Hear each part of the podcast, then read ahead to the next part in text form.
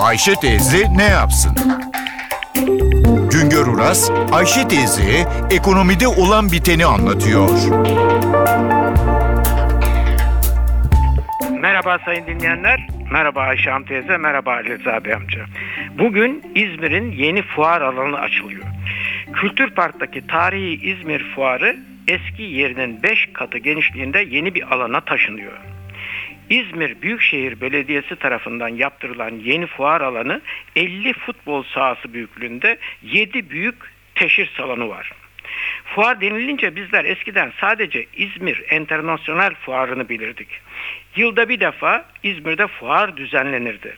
Şimdilerde fuarcılık ekonomilerin, ekonomik hayatın olmazsa olmazlarından biri haline geldi.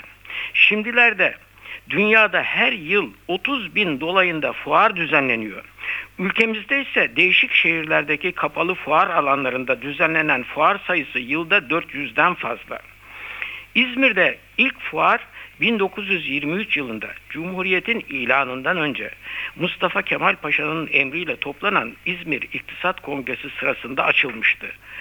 O zamanın imkanlarıyla ülkede el tezgahlarında üretilen dokumalar, küçük sanayi ürünleri, Isparta, kula, gördes, uşak kilimleri ve halıları, yağlar, sabunlar, makarnalar, unlu yiyecekler, kolonyalar, helvalar, ayakkabılar, kiremit, tuğla, tütün, sigara, şarap örnekleri sergilenmişti.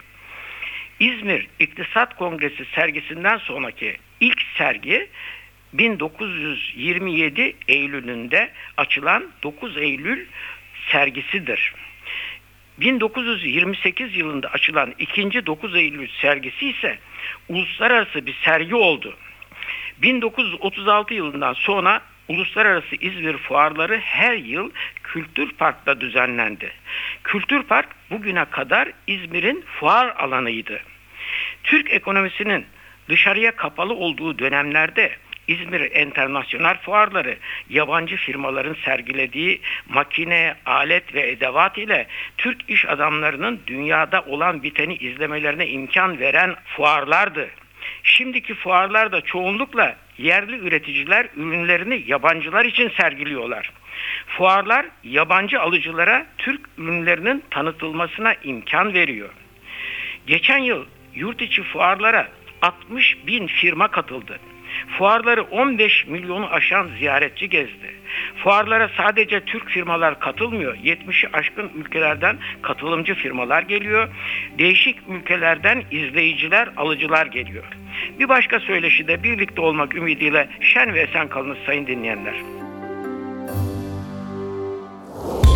Güngör Uras'a sormak istediklerinizi ntvradio.com.tr adresine yazabilirsiniz. thank you